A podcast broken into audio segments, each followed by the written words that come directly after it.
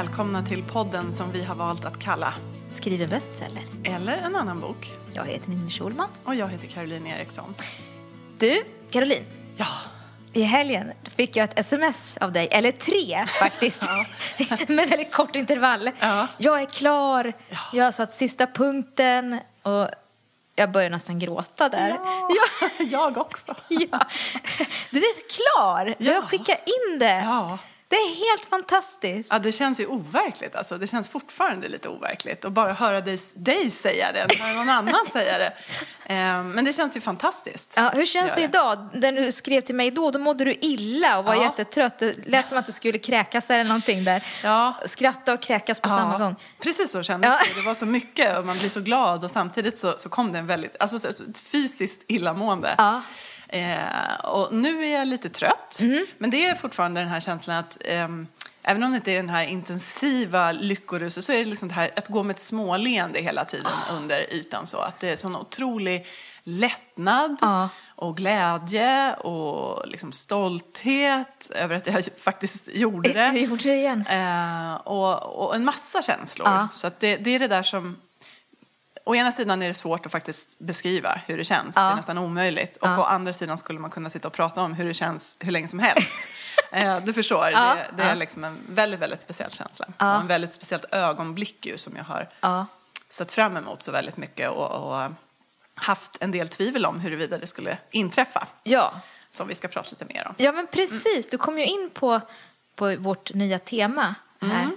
som vi ska in i nästa fas Mm. som vi har kallat för tvivel eh, och eh, ljuspunkter och Ja. Tillförsikt tror jag. Tillförsikt, ja. Eh, vi har ju varit inne på det många gånger tidigare också. Våran hiss som går upp och ner hej vilt, vecka för vecka, dag för dag, kvart för kvart Ja. ibland. Men just här har vi valt att lä- lägga fyra avsnitt som bara ska handla om det. Och det är ingen slump att det ligger just här. Nej. För nu när vi har tagit oss igenom eh, mitten, när vi är i mitten av vårt manus, det är då det oftast, för mig i alla fall, slår till. När man har skrivit ganska mycket Och fortfarande är det mycket och fortfarande kvar. mycket kvar. Det är mycket luckor kanske i det manus man har skrivit på. Eh, och det är många trådar som ska knytas ihop. Och det var länge sedan man fick den här idén som gav Exakt. pirr under huden. För det har ju mattats av Ja. och ersatts med jobb. Just det, Så den är här första lätt. glädjeruschen Ja. liksom är, är Adrenalin är borta avmattat.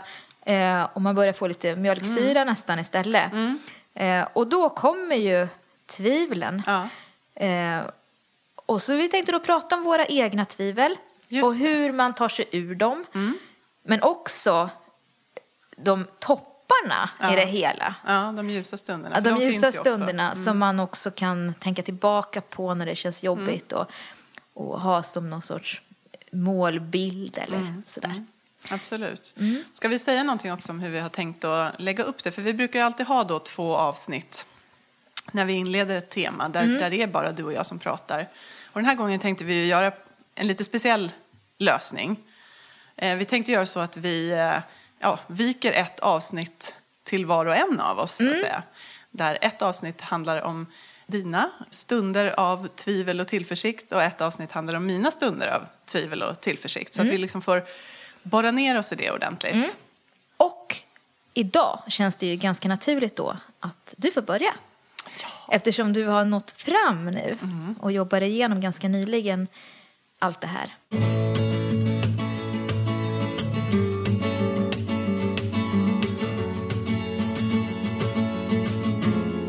Om vi ska ta det från början då. Du har skrivit din femte bok. Min femte bok med min fjärde roman. Precis, för du har ju skrivit en fackbok också. Yes. Fem gånger har du tagit dig igenom det här manusjobbet. Berätta från början, vad, när kände du som starkast tvivel första gången? Ta det i vilken ordning som helst, Ja, bara precis. hur det kommer för dig. Ja, alltså, jag, jag har ju suttit och, och ja, gjort lite noteringar inför att vi skulle sätta oss med, med just de här grejerna och tänkt tillbaka. Jag tror att första gången som jag verkligen em, upplevde en, en svacka Det var under arbetet med Inga gudar jämte mig, Ja. som ju var min andra bok. I serien Svenska mord. då. Just det, precis. Den här historiska, verklighetsbaserade. Vad var det som hände då? då? Ja, det som hände var att eh, jag eh, satt på min kammare och jobbade. Jag har och har haft ju väldigt mycket, och det har jag pratat om tidigare, en väldigt sluten process. Eh, och den gången var den extremt sluten. Eh, min förläggare visste vilket mordfall och, och så som det skulle handla om, men in, egentligen ingenting mer. Och sen satt jag då och skrev från A till Ö, eh, ett helt manus. Jag inte bara skrev färdigt, utan jag minns liksom hur jag också satt och filade på det och, och gick igenom det och justerade och bearbetade och liksom verkligen putsade och gjorde det så fint jag bara kunde. Eh, så att när jag släppte iväg det så kände jag mig verkligen nöjd. Liksom, att det här kändes bra. Och sen då så ehm, tog han emot det och så bestämde vi ett datum när vi skulle ses och prata om det här som man ju gör. Man får ju sin feedback. Det var bara det att några dagar innan då det här mötet skulle äga rum, då ringde min förläggare till mig. Och så säger han så här att, eh, ja hörru du, eh, vi ska träffas snart. Jag tänkte bara att jag, jag vill förbereda dig eh, på att eh, vi har en bit kvar. Han sa exakt de orden, Åh, liksom, att vi har en bit kvar. Ja. Och jag förstod ju då att eftersom han ringer så, så är det någonting mer. Det är större än ett vanligt eh, Än en vanlig redigerings- redigering, ja. Mm. Och sen då så, när jag satt på det här mötet så förstod jag ju hur, Ja. hur omfattande det här arbetet skulle bli. Vad var, vad var grejen då? Ja, den stora grejen var väl det att den här boken var eh, ganska baktung, Mm. om man säger så. Eh, den hade väldigt många tillbakablickar. Mm. Och jag är ju sådär, jag är ju förtjust i, eh, och jag har alltid med någon form av liksom, psykologiska förklaringsmodeller till Mm. varför människor begår onda handlingar. Det vill jag gärna eh, liksom, rota i och gå till botten Mm. med. Och då blir det ofta att jag går tillbaka i uppväxten Mm. och sådär. Så det är lite tidshopp då? i- Ja, men exakt. i berättelsen. Ja. Och då, då var det väl det här att det var för mycket såna här Ja. tillbakablickar då, tyckte förlaget. Och så var det väl en del andra synpunkter på storyn. Men det var den stora grejen, att, Ja. att förflytta historien mer till nutid då, inom citattecken. Att du skulle alltså. väva in dina psykologiska förklaringar till Ja. gestalta dem i nutid. Ja, mer så Typ. liksom. Ja. Mm, Ja. och att kanske och också ta bort en hel del. Så att eh, när jag sen gick hem och tittade igenom vad det var som behövde göras så, så förstod jag ju, eller jag kände väldigt starkt att det var som att börja om. Mm. Det var att skriva den här boken igen. Skriva samma bok en gång till, Ja. fast på ett helt annat sätt. Eh, och det kastade ju mig in i någon sån här Vad kände du då? jag kände, mig, eh, jag kände mig dålig till att börja med. Mm. Alltså jag, kände mig, eh, jag kände mig misslyckad. Jag kände mig som att jag var liksom den, den sämsta människan på författaren och, och människan på, på den här sidan, liksom, på det här halvklotet Mm. åtminstone. Eh, och, och dessutom, jag var ganska ömtålig. Det var ju då min andra bok, min första bok hade kommit ut Mm. och jag var liksom angelägen om att, om att bevisa mig så för, för förlaget och för läsarna och Mm. Ja, sådär. såklart. Mm. Och så fick jag ju en knäck då i det här att nej, jag kanske inte, kanske inte kan. Det var en ömtålig fas. Och i och med att jag hade ansträngt mig så mycket och jag tyckte att jag hade liksom verkligen paketerat den här boken och liksom, oj, oj, oj, jag hade Mm. jobbat med detaljer och allting. Sen kände jag ju också en enorm olust. Mm. Alltså jag var så osugen Mm, på att skriva på den här att skriva den här berättelsen. Det är som att berätta samma berättelse fast på ett annat sätt. Ja. Jag, jag ville inte. Nej. Och jag kände väldigt mycket att det var som om jag hade byggt ett hus. Mm. Och jag hade inte bara liksom byggt upp det lite sådär och så var finliret kvar utan jag hade också gjort finliret. Mm. Men nu var jag tvungen att riva det där huset och så bygga upp det igen Mm. på ett annat, enligt en annan ritning. Jag, jag kände mig dålig och jag kände mig eh, fruktansvärt omotiverad. Ja. Och det var, det var liksom en väldigt jobbig, tung period. Och jag vet att vi hade lärt känna varandra då, så du fanns ju med mig Ja. i det här mörkret. Ehm, höll mig i handen. Men jag kommer inte ihåg hur lång tid du hade på dig att skriva om boken. Nej, jag tror att det var inte så himla länge Nej. faktiskt. Därför, och det var ju det också, för den låg ju ute. Den, det, var ju ett om, det var ett omslag som togs fram och det var kataloger, säljkataloger som trycktes upp och, och den här boken kommer si och så. Och jag satt hemma liksom, meanwhile vid datorn Ja. satt jag och kände att men den här boken finns inte. Nej. Den som ni pratar om, den som ni säljer in, det där omslaget som jag ser här. Den finns inte. Den måste finnas ett visst datum och det är bara jag som kan skriva den. Men jag kan inte. Och, jag var ju, och det här vet ju du, att jag, jag var ju så, det, det var så dött. Texten var så död för mig. Så jag kunde inte få något liv i det här. Så att jag satt och, och liksom, jag, skrev, jag vet jag sa till dig någon mening som jag hade att han gick ut. Liksom, jag kunde få ut med de tre orden. Han gick ut. Men va, varför gick han ut? När gick han ut? Hur kände han? Alltså, Vad skulle han göra där vad skulle ute? han göra där ute? Så det var på, på Och nu sitter vi och nivån. skrattar åt det här, men det var ju på riktigt. Det här är ju på riktigt. Exakt. Det var djupaste dalen. Ja, det var det. På riktigt. Och jag tycker det där... Var inte det under mellandagarna också? Jo, det var ju mellandagarna. Det var misär. Hela december Ja. var eh, inte alls ljusets tid direkt. Nej. Utan det var, det var verkligen... Men du pressar ner tangent för tangent ändå. han gick ut, punkt, och så nästa mening. Men det var otroligt, det gick otroligt, otroligt trögt. Mm. Jättetrögt. Alltså det var så tungrot och det kändes dött så länge. Och sen vet jag att jag fick att det var någonting som hände precis innan nyårsafton. Mhm. För jag vet att jag kände så här att gud, om jag ska fira nyår så här, då, eh, det vill jag inte. Nej. Och sen var det någonting som hände som gjorde att det, och det jag, lite svårt att sätta fingret på det, men, men att det, jag fick väl någon ny känsla liksom, Ja. eller geist in i arbetet och sen, sen gick det bättre. Mm. Men jag vill verkligen säga, jag tänkte på det du sa där, att eh, vi sitter här och skrattar Mm. åt den här, den här eh, jobbiga känslan. Mm. Jag tänkte på det, när vi, när, för vi återkommer ju det är ett återkommande liksom, eh, tema, det här med tvivel och ångest. Och, och ibland när vi säger de orden så, tror jag, så, så skrattar vi liksom lite samtidigt åt det. Och det är lätt kanske då som lyssnare att tro att ja, men det låter ju inte så himla farligt. Lite ångest och så, så skrattar man åt det. Alltså, Ja. att, det att det är någonting man nästan koketterar med. Ja. Jag vill verkligen säga att när den ångesten slår till, då är det, det är ångest. Och det är på riktigt. Och det är ju en sak, för när vi sitter här och poddar, då, då har ju vi så trevligt. Det är ju en trevlig stund, så det, det är ju inte en ångestladdad stund. Men sen sitter man där själv vid sin dator igen.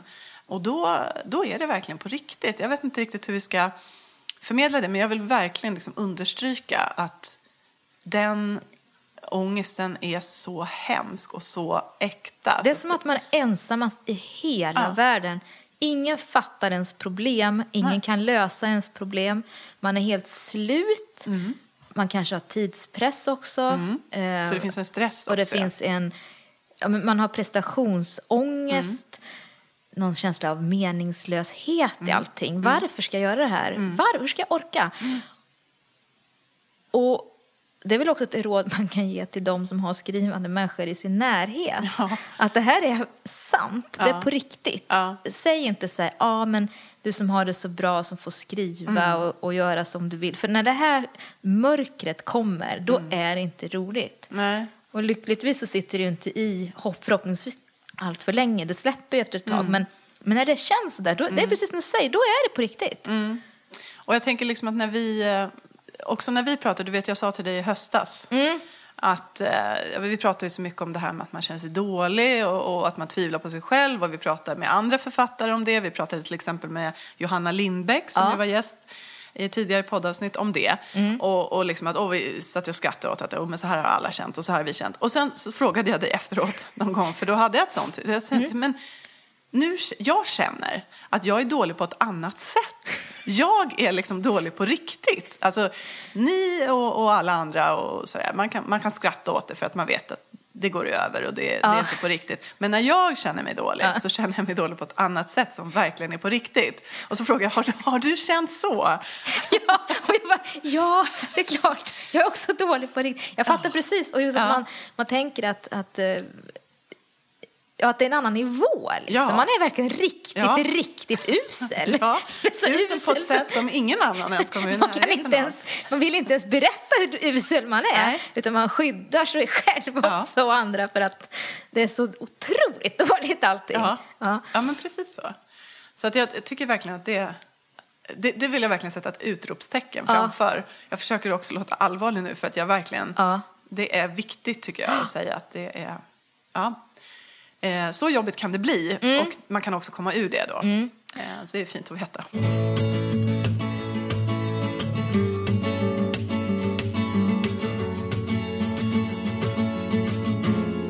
Men har du haft någon mer sån svacka i, i skrivandet? Och, och förresten då sen när du hade Ja. Mm. gjort den bearbetningen, hur kändes det då?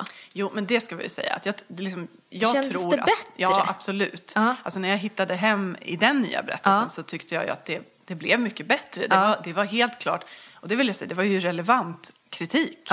Eh, så det var inte någonting som var felaktigt i, i det som min förläggare sa, utan det var jobbigt för mig Mm. personligen. Men det blev en bättre bok. Och jag har... Det var ju skönt i alla Ja, fall. men absolut. Ja, att det känns som att det Ja. var värt ändå. Ja, det var det. Men jag bär ju med mig den, den eh, liksom, erfarenheten. Och den boken är också liksom, speciell för mig på Ja. det sättet att jag tycker att den är... Jag, jag känner, jag ömmar lite för den boken. Och det tror jag kommer ifrån den här...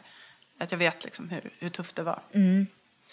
Nej, men sen har jag ju då, eh, om vi hoppar fram i tiden, Ja. så, så, så är det faktiskt den här boken då. Hon som vakar, som den heter. Ja, du har fått omslag också. Ja, precis. Titel precis. och ja. ja, det är jätteroligt. Det är på riktigt. Eh, Det har ju varit en eh, super eh, krånglig och stundtals tung process. Mm, berätta. Ja, eh, jag tror att det När började du har- skriva på den? Ja, precis. Så jag får verkligen förklara hur, hur illa det har varit. Nej, men det kan vara bra för lyssnarna att Ja. veta vilket tidsperspektiv man pratar om. Verkligen. Jag började skriva på den när vi var på Gotland. Mm, Eh, förra- Förra året. Alltså, f- 2015. Just det. Mm, november 2015. Ja. Åh, det gick ju så bra den veckan och åh, jag var så nöjd och glad. Och, oj, Ja, det var ett flow där. ja. Och det var jag väl ett tag. Men Ja. sen då så har ju den processen varit kantad av väldigt många omtag. Mm. Och flera av de omtagen har jag ju gjort på egen hand. Mm. Jag la till berättarperspektiv, jag drog ifrån berättarperspektiv, jag bytte berättarperspektiv. Mm. Eh, jag hade ett tidshopp, jag tog bort tidshoppet. Jag hade en, eh, en parallell story eh, som sen togs, togs bort och så.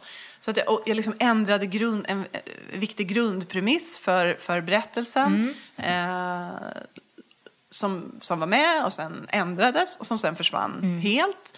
Och, varje gång jag gjorde något sånt så, så var det liksom naturligt att börja från början för det ändrade ju allt. Och sen då så, hade, så kände jag ändå att den här berättelsen bara liksom växte och växte och växte och växte. Och jag hade liksom inte, liksom, den bara höll på att växa mig ur händerna. Ja. Och så skickade jag 100 sidor till förläggare och agent. Och då hade vi ju liksom ett samtal och min förläggare sa det till mig att jag tror att det är ett för ambitiöst bygge helt enkelt. Du Ja. försöker dig på. Och så hade han lite tankar, kloka tankar. Och utifrån det samtalet så gjorde jag liksom på något tredje sätt. Jag tänker att så är det ofta för mig. Jag vet inte om du känner igen det. Att jag, jag, skriver, jag skriver A och sen så kommer förläggare eller agent och föreslår B. Och så går jag hem och så gör jag C. Och C är liksom, Det är ändå ditt. ja, det är mitt. Men det är ju ändå någonting som är bättre än både A Ja. och B. Ja. Ja. Och det här då, det samtalet med honom, det var i eh, mitten på oktober nu då, 20, 2016. Och då ändrade jag ju igen liksom, i, i premisserna och jag skalade av ungefär halva storyn. Ja. Det var liksom en hel parallell eh, sidospår Ja. som försvann. Hur kändes det? Det kändes som att gå och klippa sig. klippa håret. Ja.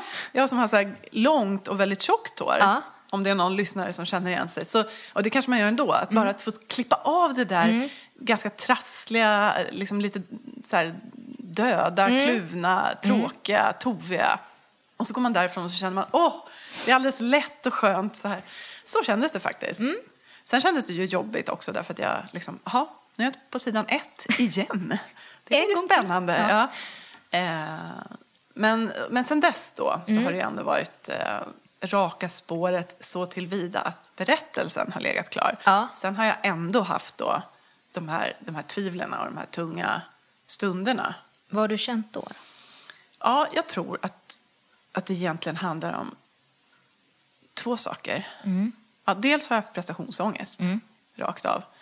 Och det har lite att göra med tror jag, att den här boken rättigheterna till den, till att börja med, var ju liksom sålda till om det är fem eller sex länder innan jag hade skrivit en mening, innan jag visste vad den skulle handla om. Så. Det är ju en trygghet såklart, men det är också liksom En press. en press. Så det, det är en- vanlig hederlig prestationsångest. Liksom. Mm. Jag, jag vill inte bara möta förväntningarna som fanns då, utan jag vill överträffa dem. Mm. Och då, då är det ju jättesvårt när man börjar låta den typen av Ja. tankespöken smyga sig in. Liksom. Jag vet inte vad du säger. Jo. Känner du igen det? Ja. Eh, så det tror jag har varit en stor grej. Och sen också då, eh, och så en stress i det, att Mm. man vet liksom att det här ska levereras och när kommer det och Tyskland frågar och ja, det låter, nu när jag säger det, det låter så fånigt som om det är någonting man klagar på att Nej, men det är ju på jättekul, riktigt. Men det är ska på riktigt. ut ur dig. Ja. Det är din hjärna det ska hända. Det är Ja. du som ska sitta där ensam. Det är ingen som, du kan inte lägga ut det på någon. Nej, exakt. Nej. Och Men sen har jag tänkt också på att det, det andra som jag tror är väldigt um, kännetecknande för mig när jag kör fast och när jag får tvivel och när jag tycker att det hopar sig och blir jobbigt. Det är ju när jag inte riktigt förstår historien själv. Eller när jag liksom känner att det är någonting som skaver. Det är inte riktigt trovärdigt. Det blir inte riktigt liksom Ja. så bra. Och, och som sagt att jag inte riktigt vet. Nej. Det är någonting som jag saknar viktig kunskap om i Mm. den här historien. Det kan vara en person, den personens bakgrund eller vad som faktiskt händer. Mm. Och i de lägena, och det är det jag har gjort nu, då, då måste jag liksom stanna upp Mm. och borra mig ner i den här grejen Mm. som jag inte riktigt känner till. Som i det här fallet då, så har ju en av mina karaktärer, jag tror att jag har nämnt det förut, hon har då eh, en, liksom, ja, en händelse i tonåren eh, som involverade liksom, svek och otrohet och, och hämnd som liksom spårar ur. Sådär. Och jag visste att, att hon hade varit med om då, någonting sånt. Ja. Men jag visste inte exakt vad. Nej. Och till slut så insåg jag att jag måste ju bara, vad, är det här? Ja. Exakt vad har hänt? Ja. Och, och hur, hon var tonåring, Ja. liksom, hur, var fanns föräldrarna? Var, vem fångade upp henne? Eller fångades hon upp? Och hur hade det kunnat gå an? Alltså, eh, hur gick logistiken kring de här händelserna till? Vart befann hon sig? Vem, alltså, så. Det måste tänkas igenom. Liksom. Så då gör jag det, då kan jag ofta lösa upp de här knutarna. Mm. Istället för att bara försöka liksom stressa Skriva vidare. Ja. Men då blir det en stress antar jag i dig att då går en arbetsdag och Exakt. att bara tänka och du Precis. vill se tecknen. Ja, jag vill ju det. Jag vill ju prestera. Ja. Ja, och prestera är ju så lätt att koppla till de här nya Tecknen. tecknen bara. Ja. Men ibland gör man ju ett jobb som, som handlar om att lösa upp de här knutarna till exempel. Så och som inte syns. Nej, och som precis. ens närmaste kanske tycker ser som en promenad Ja, som det. är trevlig och solen skiner och man Ja. själv går i ett totalt mörker. Ja, eller liksom man står i duschen. Jäklar vilken lång dusch hon tog. Ja, men jag jobbade där inne. Ja. Jag fick en eh, Faktiskt. uppenbarelse. Eh, så eh, det tror jag. Och, och sen... Eh, så jag tror att det har varit både och. Att jag har liksom inte riktigt fått... Jag har varit, haft prestationsångest. Jag har inte riktigt haft... Jag har varit för driven av det där, försöka vara duktig och, och Mm. liksom göra en cool historia. Eh, och det var ju först när jag verkligen liksom kände att ja, men, nu fick jag feeling för berättelsen Ja. och för personerna. Ja. Det är liksom då det kan lossna. Ja. Känner du igen det här? Ja. Eller är jag ensam om den här är, du, känslan? är du dålig på riktigt? Ja, jag är dålig på riktigt. Jag- Nej, nej, men jag känner igen det precis. Ja. Det är någon, någonting man letar efter, någon känsla så att man verkligen förstår vad man håller på med. ja. Men jag tänker att det, det är liksom, ibland är det ju här att stanna upp, Mm. lösa upp en knut. Och ibland kan det vara, men det tycker jag i och för sig är rätt sällan, men att man så här, jag behöver bara en dag off, liksom, Mm. en dag ledigt. Eh, att göra något helt annat. Mm. Alltså, ta en jättelång promenad Mm. eller eh, plöja en säsong av, eh, vad heter den här, Married at first sight Australia, som, som jag gjorde någon dag. Ja. Eh, helt liksom, någonting helt annat. Ja. Och sen så bara kommer nästa morgon och så, så kör man igen. Ja, Liksom. ja. Det får inte bli för lång, det där eh, Nej. uppehållet. Men Nej, för jag man- tänker när ska man lyssna på hjärnan och när ska man lyssna på latmasken i sig? Det är svårt. Ja, det är svårt. Och jag, har- det, jag har inte sådana dagar så himla ofta vill jag Nej. poängtera. Utan det är liksom i, i undantag som jag tror att det hjälper. När det gäller de här lösa upp de här knutarna, då är det ju, då är det ju jobb, ett jobb man behöver göra. Ja. Men ibland kan det vara att man bara behöver Vila lite. vila från manuset. Ja. När man sitter där, han gick ut. På, Ja. Då kanske det är dags för lite gift vid första ögonkastet. Ja, men precis. Bara något helt En annat. stund i alla fall. Ja, precis.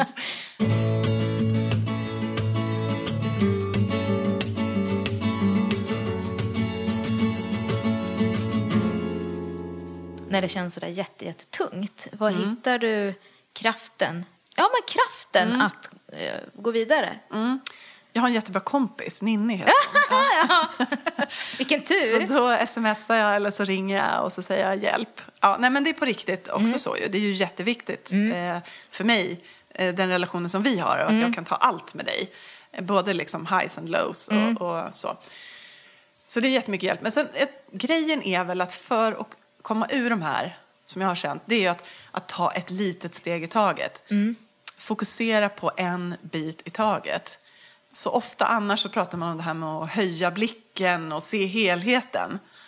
För mig är det helt tvärtom när jag skriver. Då är det liksom sänk blicken. Se, titta bara på det som händer precis framför ögonen just nu.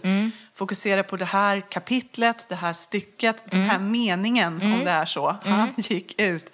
Inte hålla på och scrolla igenom dokumentet så, för det, det kan bara gå åt liksom helvete. Vi brukar ju ha det som en regel. Ja. här, Scrolla inte. Det är den viktigaste Börja regeln. inte scrolla vad som än händer. Så att, mycket tror jag det där, att hålla blicken Mm. bara på det man gör just nu. Och sen sätta upp delmål. Mm. För att hela målet att tänka att oj, som för mig nu då, Mm. när det kändes tungt i höstas. Liksom, ah, 31 januari ska jag lämna ett råmanus. Mm. Ett helt råmanus till en färdig bok. Om jag sitter och stirrar mig blind på det målet så känns ju det jättestort, Mm. jättejobbigt. Men det jag gjorde då var ju också att jag liksom vad heter det, delade upp det i eh, liksom, månadsmål och så delade jag det i veckomål och så, ja okej om det här ska jag göra det här den här veckan, hur mycket ska jag göra varje dag? Och så fokuserar jag bara på det. Bara på vad som ska göras den här veckan eller den här dagen.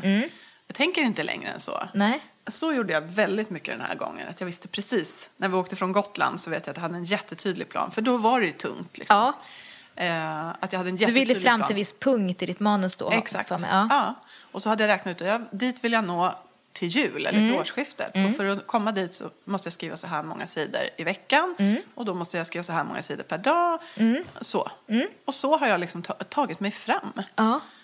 under den tiden som det känns tungt. Och sen har det ju lättat. Liksom. Ja. De senaste veckorna nu så har jag haft en fantastisk liksom, glädje i skrivandet. Ja. Och, och liksom, gillar mina karaktärer. Jag gillar framförallt väldigt mycket liksom, deras relationer med varandra. Och, sådär. och då går det ju lätt och då kommer det ju mer text. Men de här perioderna när det inte känns så jäkla roligt och lätt, då måste man ha någon strategi. Och vilket knep som helst som får en att liksom jobba vidare Ja. är bra. Jag testar massa sådana här Pomodoro-metoden och, och liksom att man skriver fokuserat i 25 minuter och sen tar man paus i 5 minuter och så skriver man 25 minuter till. Och, så. och av och till kör jag med det. Är det något annat som funkar så, så kör jag det. Ja. Det är liksom för, på vad, vad sätt som går för att överlista sig själv på något vis. Och att inte sätta upp för stora mål eller sådär. Mm. Det är nog mina liksom, bästa tips. Eller det är det som har funkat för mig helt enkelt.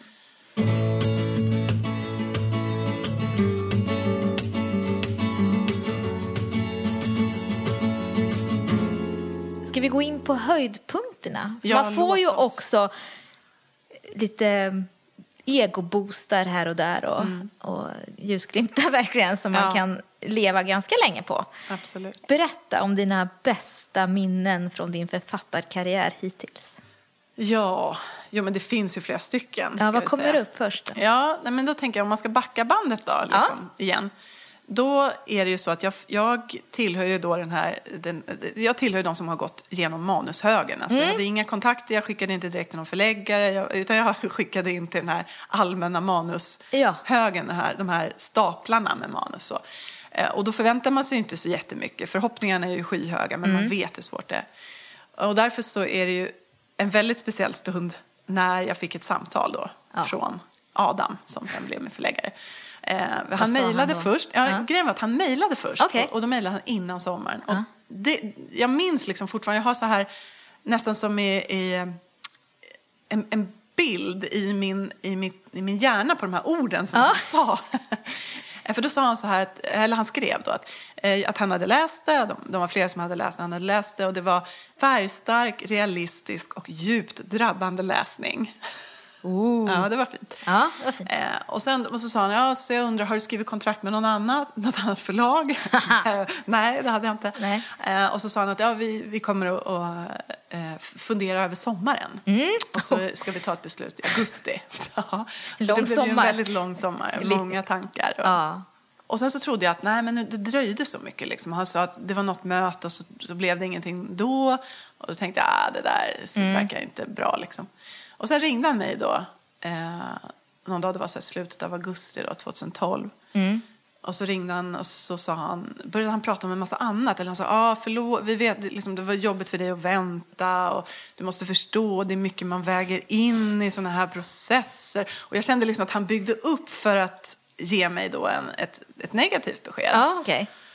Men så, sen, ja, så till slut då, så, ja men i alla fall så har vi liksom kommit fram till att vi jättegärna vill ge ut din bok. Wow! Och den känslan, Ja. den är ju liksom, jag, jag, ja, rent, liksom, rent fysisk. Ja. Så här rysningar över hela kroppen och liksom en känsla av att nästan vara elektrisk. Ja. Hela dagen hade jag det. Eh, Och han fortsatte prata vet jag efter han hade sagt det här. Han pratade om hur jag ställde mig till att liksom jobba vidare med vissa saker. Och jag, bara, jag, jag hörde liksom ingenting. Jag bara hörde ju det här han hade sagt. Att, så menade han verkligen att de ska ut? Så det var ju en fantastisk stund. Ja, en Åh. Gud, jag får ju gåshud Ja. vad du berättar. Ja. Jag älskar såna här historier. det är ju så. Ja. men, och det är ju sånt man drömmer om Ja, innan ja, man ja. är utgiven. Att tänk Ja. om det där händer, det där samtalet. Det är det största som kan hända en. Ja. Ja. Men sen så är det väl det största som har hänt mig då, efter det. Ja. För jag har ju alltid, eller jag har ju känt mig längs stora delar av vägen och i viss mån fortfarande som en, liksom en underdog. Att jag liksom kämpar för att, att liksom komma någonstans med mitt författarskap. och också framförallt kämpa för att eh, kunna försörja mig. Och det handlar ju om att kunna få göra det här på heltid därför att det är det jag älskar och vill göra. Eh, Men det har inte varit en självklar väg för mig dit, absolut inte. Och inte lätt, och det har vi varit inne på tidigare. Och sen då med de försvunna så var det ju eh, nå- liksom precis innan. Alltså jag, ha- jag tror jag hade skrivit klart det manuset och lämnat in det. Ja, det hade jag gjort. Jag gick och väntade, jag visste att det skulle bli utgivet men jag visste ju inte hur det skulle bli mottaget och sådär. Och då var jag liksom att, nej men jag får nog eh, börja fundera på något annat nu. Jag hade ju liksom jobbat vid sidan om. Jag hade ju haft ett eget företag och sådär. Men då började jag fundera på om jag kanske skulle plugga någonting, omskola mig eller liksom började dra lite i mina gamla kontakter igen och sådär. Att jag skulle ha något jobb eller så. För, för liksom jag tyckte att nu har jag satsat på min dröm. Nu har jag gett det här den chansen som, som är rimlig. Och nu är det inte rimligt liksom att fortsätta på Nej. det sättet som jag har gjort. Så med de försvunna så var det verkligen så här, det här är sista chansen. Och sen så kommer kom jag då ihåg när eh, min agent hade ju sagt att hon trodde på det här, liksom, att hon skulle kunna sälja det utomlands och sådär. Men det, det, tänk, det räknar man ju inte med, eller man vågar ju inte räkna med det. Och så minns jag, hon ringde mig, eller hon skickade ett mejl först. Eh, och så skrev hon att nu händer det, eller nu börjar det, något sånt där. Och då hade hon fått ett bud, ett sånt där take it or leave it bud. Ja. Det var liksom acceptera eller Ja. tacka nej. Ja. Vi hade typ så ett fönster på några timmar. Okej, och, ja. så. och så sa hon, "Eh, jag ringer dig så får vi prata. Hon var på en mässa då, eller? Nej, hon, var på, hon var på ett bröllop i, i Spanien. Nej, liksom, så hon stod i någon bergskedja med så dålig mottagning och skulle ringa mig då. Liksom. Och vi hade bara några minuter och vi, och liksom, Ja. jag, vi skulle bestämma oss. Och det här budet, när jag såg det, jag tänker inte liksom prata pengar, siffror och så, men Nej. när jag såg det så kände jag att det, det måste vara fel på en decimal. Liksom, för att det var så, det kändes så, så otroligt liksom, eh, bra Ja. bud. Ja. Men då säger hon till mig, Mm. nej vet du vad, jag tycker vi ska säga nej.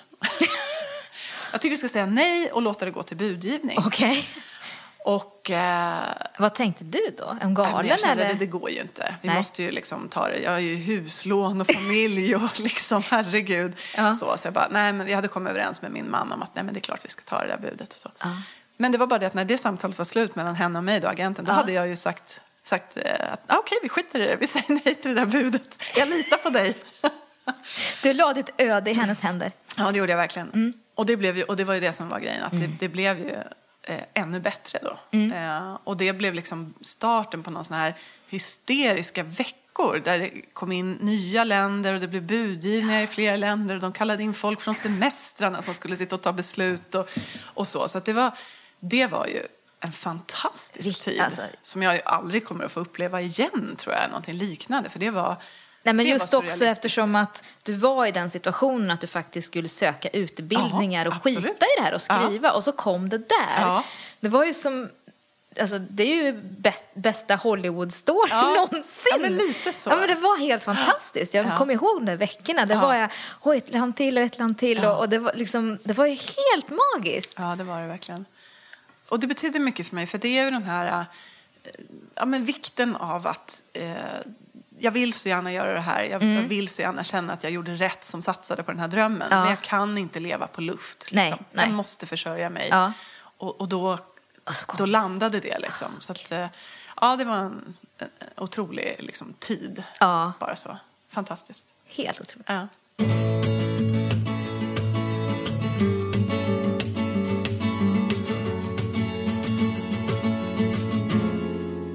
Ja, vad roligt det är att få prata om de här Avsluta stunderna. ja men precis, avsluta med något sånt där härligt. Ja, det, Mm. det känns ju jättebra. Och det är ju viktigt också det där. Lika viktigt som det är att säga att den här ångesten när den kommer är Mm. på riktigt. Så är det också viktigt att säga att ja, men det går att ta sig ur den. Alltså, Ja. Jag känner att jag är ändå ett levande bevis på, och du med, jag vet att du också har kämpat. Mm. Och det kommer vi få höra i nästa avsnitt. Men just det här att det faktiskt går. Det, Mm. det går över, det kommer lust och det kommer glädje på andra sidan om man kommer i mål. Det är Mm. ju en sån fantastisk känsla då. Så ge inte upp ni där ute Nej, som kämpar. fortsätt. Mm. Och fortsätt lyssna. Ja. Det är så kul. Ni blir fler och fler för varje Ja. vecka och det är så härligt att, att hålla på med det här, Ja. tycker jag. Vi är jätteglada för att ni finns med oss. Ja. Det betyder jättemycket. Och skicka in frågor Mm. till oss på vår Facebook-sida. Nu har vi bestämt så här att vi kommer att köra varannan fråga-svar-del kommer vi att köra bara vi. Så då tar vi upp alla frågor som ni kan tänka oss. Som tidigare Som alltså. tidigare, precis. Och varannan vecka så kommer vi att ha en expertgäst från branschen med oss. Varannat frågor och svar avsnitt. Ja, alltså. varannat frågor Ja. och svar-avsnitt. Ja. Nästa gång då så är det dags för Ann-Marie Skarp, förläggare på Piratförlaget, som vi ska Mm. Precis. besöka. Just det. Så att, eh, skicka in allt ni vill veta om förlagsbranschen. Eh, vad de Eller söker specifikt om just efter. Piratförlaget. Eller, ja, precis. Ett väldigt spännande förlag som ju har en lite annan syn på, på utgivning än de mer etablerade kanske. Det känns som att många där ute är nyfikna på Pirat. Ja, absolut. Och Så- Ann-Marie Skarp blir en spännande person att prata Ja, med. det ska bli, vi ser fram emot det jättemycket. Så att ta chansen Ja, verkligen. precis. Gör det. Och sen så kan ni också gå in på vår Facebook-sida och ställa frågor till oss där. Mm. Ni kan följa oss på Instagram.